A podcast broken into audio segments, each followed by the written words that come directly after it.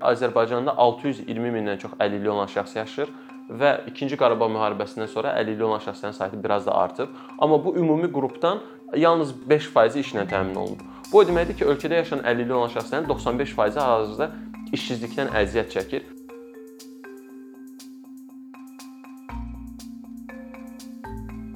Azərbaycanda əlilliyi olan şəxslərin qarşılaşdığı bir çox problemlər var, amma bu problemlərin arasında ən kəskini və əlilliyi olan şəxslərə ən çox təsir edən məhz işsizlik problemidir. Ümumiyyətlə bütün dünyada araşdırmalar göstərir ki, əlilliyi olan şəxslərin arasında işsizlik və yoxsulluq digər qruplarla nisbətən daha çox yayılıb və birbaşa əlillik və yoxsulluq arasında əlaqə var. Azərbaycanda da bu belədir və ölkədə yaşayan əlilliyi olan şəxslər qeyri-mütənasib şəkildə bu problemdən əziyyət çəkirlər. Problemin yaranmasının arxasında bir çox səbəblər var. Baxmayaraq ki, ölkə qanunvericiliyində əlilliyi olan şəxslərin işlə təmin olunması və müxtəlif özünü məşğulluq imkanlarından bəhrələnməsi üçün qanunlar var, çərçivələr yaradılıb. Buna baxmayaraq əlilliyi olan şəxslər yenə də bu imkanlardan istifadə edə bilmirlər və işlə normal şəkildə təmin oluna bilmirlər. Statistikaya görə Azərbaycanda 620 mindən çox əlilliyi olan şəxs yaşayır və 2-ci Qarabağ müharibəsindən sonra əlilliyi olan şəxslərin sayı biraz da artıb. Amma bu ümumi qrupdan yalnız 5% işlə təmin olunub. Bu o deməkdir ki, ölkədə yaşayan əlilliyi olan şəxslərin 95%-i hal-hazırda işsizlikdən əziyyət çəkir və onların yeganə qazanc mənbəyi hökumətin verdiyi müəyyən təqaüdlər, pensiyalar, əlilliklə bağlı olan sosial ödənişlərdir. Təbii ki, bu məbləğ azdır. Əlilliyi olan şəxslərin bütün ehtiyaclarını qarşılaya bilmir və buna görə də onlar bir çox maliyyə problemlərindən əziyyət çəkirlər. Və ümumiyyətlə əlilliyi olan şəxslər işlə təmin olunanda da onların gördüyü işlər əsasən az maaşlı, daha az ixtisaslaşma tələb edən işlər olur və bax baxmayaraq ki, əlilliyi olan şəxslər bundan daha çox öz qabiliyyət və bacarıqlarına uyğun işlərlə məşğul ola bilərlər.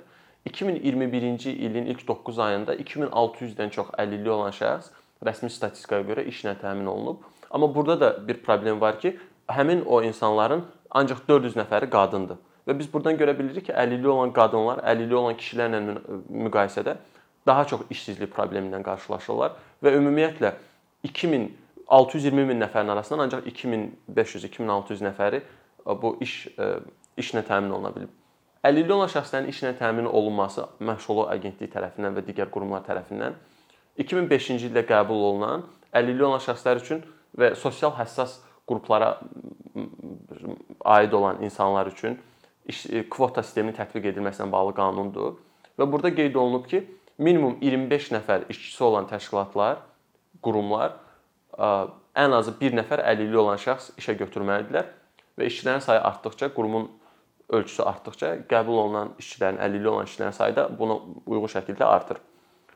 Amma bu ilə bağlı bir çox problemlər var və ümumiyyətlə ölkədə əlilliyi olan şəxslərin işlə təmin olunması ilə bağlı olan yaranan problemlərin iki əsas səbəbi var. Birincisi qanunvericilikdə olan boşluqlardır. İkincisi işə götürənlər tərəfindən əlilliklə bağlı yaranan deyək ki, bu neqativ fikirlər və infrastrukturla bağlı olan problemlərdir. Qanunvericilikdə olan boşluqlar ondan ibarətdir ki, həmin bu kvotalar haqqında qanunda baxmayaraq ki, göstərilir əlilliyi olan şəxslər necə işlə təmin olmalıdır, hansı nə qədər hansı sayda, hansı deyək ki, bu indikatorlara uyğun müəssisələr olaraq qəbul etməlidir. Bura bu qanun dövlət orqanlarına, yerli və mərkəzi seçkili orqanları və elm və təhsil müəssisələrinə şamil edilmir. Və həmin qanunla bağlı yaranan bütün tələblərin həyata keçirilməsinin xərci məhz həmin bu işə götürənlərin bu кейsdə sahibkarların boynuna düşür. Və belə olanda sahibkarlar əlilliyi olan şəxsləri işə götürmək istəmirlər, çünki onların ilk növbədə qeyd elədiyim kimi sahibkarlarda əlilliyi olan şəxslərin bacarıqları ilə bağlı şübhələr var.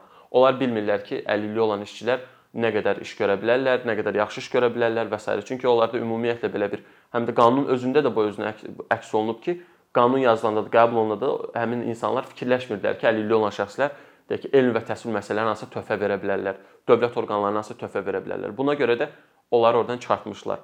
Bu o deməkdir ki, bu gün Azərbaycan dövlət büdcəsindən maliyyələşən təşkilatlarda bu qanun tətbiq olunmur və əlilliyi olan şəxslər orada məcburi şəkildə işlə düzəldə bilmirlər. Halbuki məşğulluq agentliyi agentliyi bu insanları ora göndərə bilərdi və əlilliyi olan şəxslər dövlət qurumlarında da işlə təmin oluna bilərdilər yerli və mərkəzi seçkili orqanlarda da işlə təmin oluna bilərdilər, elm və təhsil müəssisələrində də.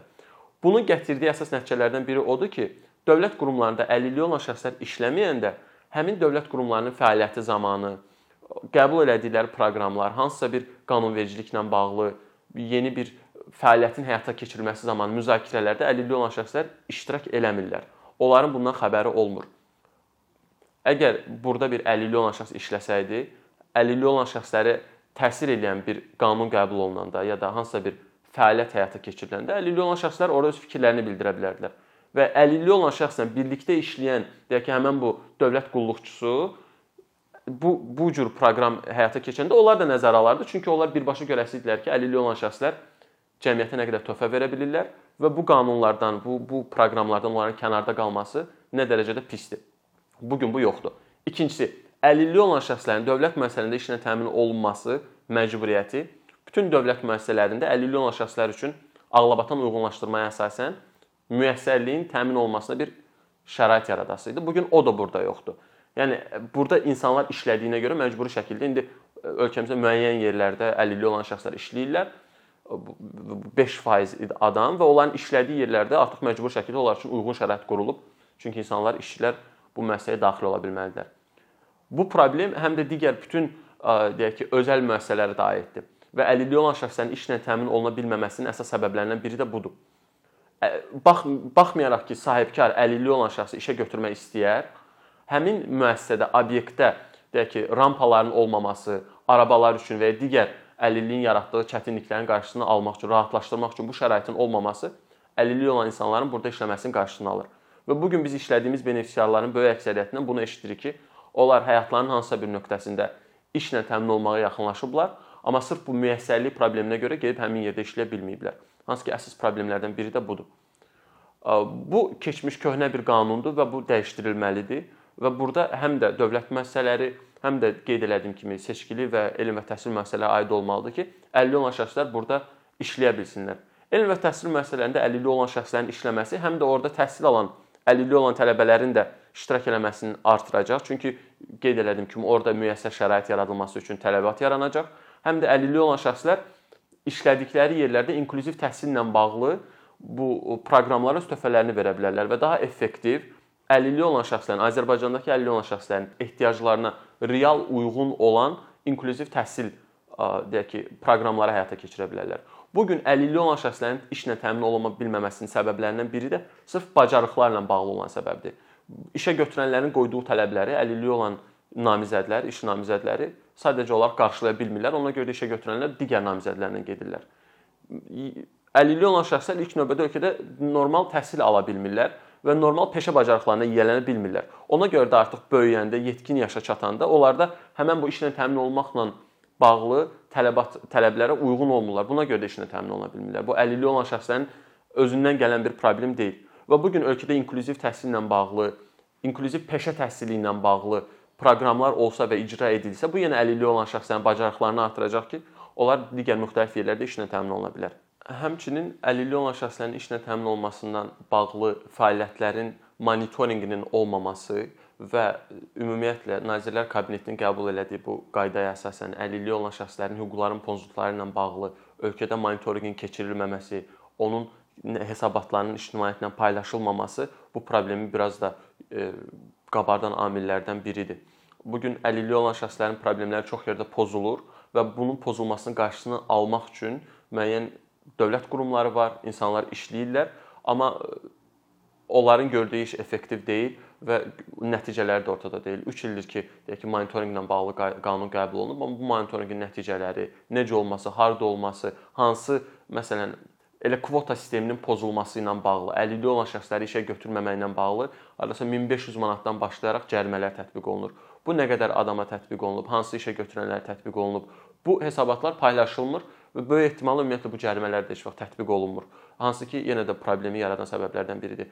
Son məsələ əlilliyi olan şəxslər deyək ki, bu təqaüdlər üçün və ya hansısa bir müxtəlif e, səbəblər üçün qeydiyyata alınanda onların əmək qabiliyyətinə əmək qabiliyyətinə uyğun olmadığı yazılır. Hansı ki, e, əlilliyi olan şəxslərin hüquqlarının pozuntusudur. Çünki insanın əlilli olması onun o, o da həm o, həmin dəqiqə əmək qabiliyyətli olmaması demək deyil.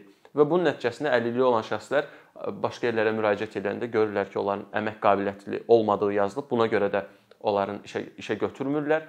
Həmçinin də başqa sahələrdə məsələn bankdan kredit götürmək istəyəndə istəyir, bəlkə öz biznesini başlatmaq üçün kredit götürmək istəyə bilər, hansısa bir səbəbdən müraciət edə bilər kredit üçün. Həmin kreditlər də onlara verilmir. Yəni sırf bu ə, işsizliklə bağlı yaranan problemlər və qanunvericilikdə olan boşluqlar, keçmiş vaxtdan gələn bu bu gün bu günün reallıqlarını, tələblərini ödəyə bilməyən qanunlar bir çox müxtəlif sahələrdə əlilliyi olan şəxslərə təsir eləyir. Bunun monitorinqi aparılmalıdır, aparılmır. Buna görə də əlilliyi olan şəxslər hal-hazırda qeyd elədiyim kimi daha aşağı maddi imkanlarla yaşamağa məcbur olurlar. Hökumətin verdiyi pensiyalara möhtac qalmağa məcbur olurlar. Hansı ki, əlilliyi olan şəxslərin işlə təmin olunması bu problemi aradan qaldıra bilər. Ümumiyyətlə təqaüdlərin verilməsinin əsas səbəbi, əsas məqsədi belə deyim, əlilliyi olan şəxslərin bütün xərclərini qarşılamaq olmalı deyil. Hökumət onlar üçün normal iş imkanları yaratmalıdır. Qanunvericiliyi uyğun şəkildə dəyişdirilməlidir ki, əlilliyi olan şəxslər də işləyib cəmiyyətə, iqtisadiyyata öz töhfələrini verib öz gəlirlərini təmin edə bilsinlər əlilliyi olan şəxslərin işsizliklə bağlı problemlərinin həll eləmək və həmin bu qanunvericilikdə olan boşluqları doldurmaq üçün biz bu cürə bir siyasət sənədi hazırlamışıq həmkarlarımızla. Və burada biz qeyd eləyirik ki, həmin bu boşluqlar necə doldurula bilər. Məsələn, burada maliyyə subsidiyalarının verilməsi, işə götürənlərə maliyyə dəstəyinin göstərilməsi kimi bir punkt var. Bu o deməkdir ki, bu gün Azərbaycanda əlilliyi olan şəxslərin işə götürülməsinə bağlı xərclər sahibkarların üstündədir. Amma digər ölkələrdə, daha çox digər daha inklüziv ölkələrdə dövlət məhz bu cür məsələlərə dəstək olur ki, daha çox əlilliyi olan şəxsləri işə götürsünlər. İlk növbədə onlar müəyyən subsidiyalarla işə götürülən əlilliyi olan şəxslərin, həmin bu kvotalara uyğun işə götürülən əlilliyi olan şəxslərin ilkin bir müddət ya maaşlarının tamamını, ya müəyyən hissəsini ödəyirlər ki, işə götürənlər həvəsli olsun, bu əlilliyi olan şəxsi işlə təmin eləsin və onları hansısa bir vergilərdən azad edirlər. Kvotadan daha çox əlilliyi olan şəxs işə götürən sahibkarlara müəyyən qrantlar verirlər və bu qrantları kvotadan az işə əlilliyi olan şəxsi işə götürən təşkilatlara verdiyi cərimələrdən götürüb verirlər. Və bu da insanları işə götürənləri həvəsləndirir ki, əlilliyi olan şəxsləri işlə təmin eləsinlər və öz hansısa bir burada bu vergi güzəştlərindən, digər maliyyə imkanlarından istifadə edə bilsinlər. Həmçinin kvota sistemi də Azərbaycanda müəyyən boşluqlar var. Onlar da digər ölkələrin praktikasına uyğun düzəldə bilər. Çünki kvota sistemi dünyada artıq 100 ilə yaxındır ki, tətbiq olunan bir sistemdir. Sırf əlilliyi olan şəxslərin işlə götürülməsi üçün ilk dəfə 1-ci dünya müharibəsindən sonra Avropa ölkələrində müharibə veteranlarının işə götürülməsi ilə bağlı tətbiq olunub. Sonra 2-ci dünya müharibəsindən sonra eyni səbəbdən biraz da çox yayılıb və bu gün 2005-ci ildən, hələ 2005-ci ildən etibarən Azərbaycanda bu əlilliyi olan şəxslərin işə götürülməsinə bağlı tətbiq olunur. Amma yenə burada da boşluqlar var. Ən vacibi dövlət müəssisələrinə də bu kvotalar tətbiq olunmalıdır və əlilliyi olan şəxslər hər şeydən əvvəl dövlət müəssisələrində işləyə bilməlidirlər ki, sonradan bu bu ilə məşğul olan qurumlar gedib sahibkarlardan tələb edə bilsinlər ki, əlilliyi olan şəxslər orada işinə götürsünlər. Thank you.